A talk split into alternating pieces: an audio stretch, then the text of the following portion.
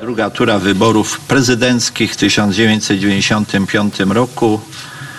68,23 i druga tura wyborów prezydenckich w roku 2020 68,18%.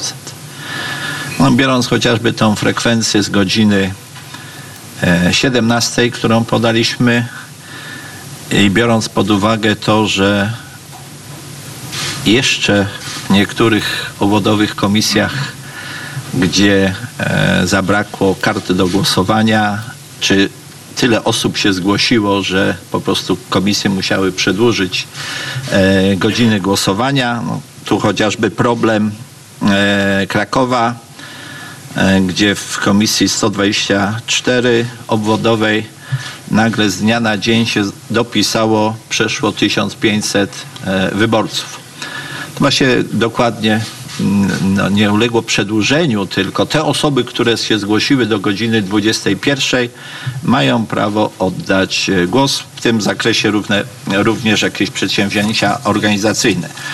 Natomiast z uwagi na to, że w mediach pojawiły się takie informacje, że to jest wina Państwowej Komisji Wyborczej, że zabrakło e, kart, e, chciałbym przedstawić uchwałę numer 155 Państwowej Komisji Wyborczej z 8 września bieżącego roku w sprawie sposobu drukowania kart do głosowania oraz trybu ich przekazania wraz z nakładkami na karty do głosowania obwodowym komisjom wyborczym w kraju w wyborach do Sejmu oraz do Senatu i referendum ogólnokrajowym. I tu proszę Państwa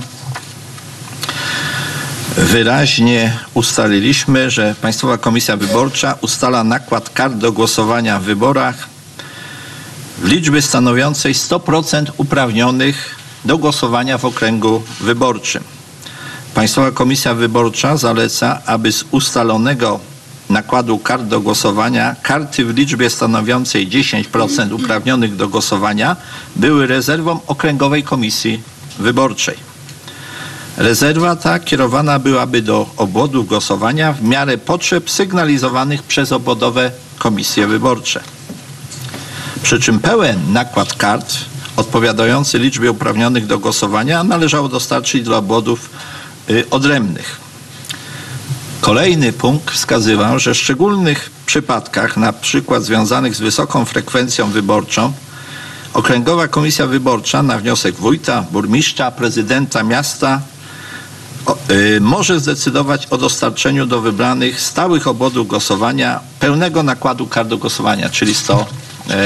E, w kolejnych e, punktach ustalaliśmy, w jaki sposób właśnie należy te karty e, przygotować. I wreszcie w punkcie 19 wskazywaliśmy wyraźnie, że rezerwowe karty do głosowania należy zmagazynować w urzędach gmin wyznaczonych przez Okręgową Komisję Wyborczą, co umożliwi ich sprawne dostarczenie do obwodów głosowania w miarę występujących potrzeb. Wójt, burmistrz, prezydent miasta stosownie do dyspozycji i poleceń Okręgowej Komisji Wyborczej zabezpiecza rezerwę kart do głosowania oraz środek transportu dla dowiezienia kart z rezerwy do obwodu głosowania. Także proszę Państwa, to nie Państwowa Komisja Wyborcza, to trochę niżej. Okręgowe komisje wyborcze, obwodowe komisje w porozumieniu y, z wójtami, burmistrzami, prezydentami powinni na bieżąco reagować. Są już o tym, że frekwencja będzie znacznie wyższa, to już wiedziano wcześniej i trzeba było tak zorganizować transport w gminach, żeby dotarły karty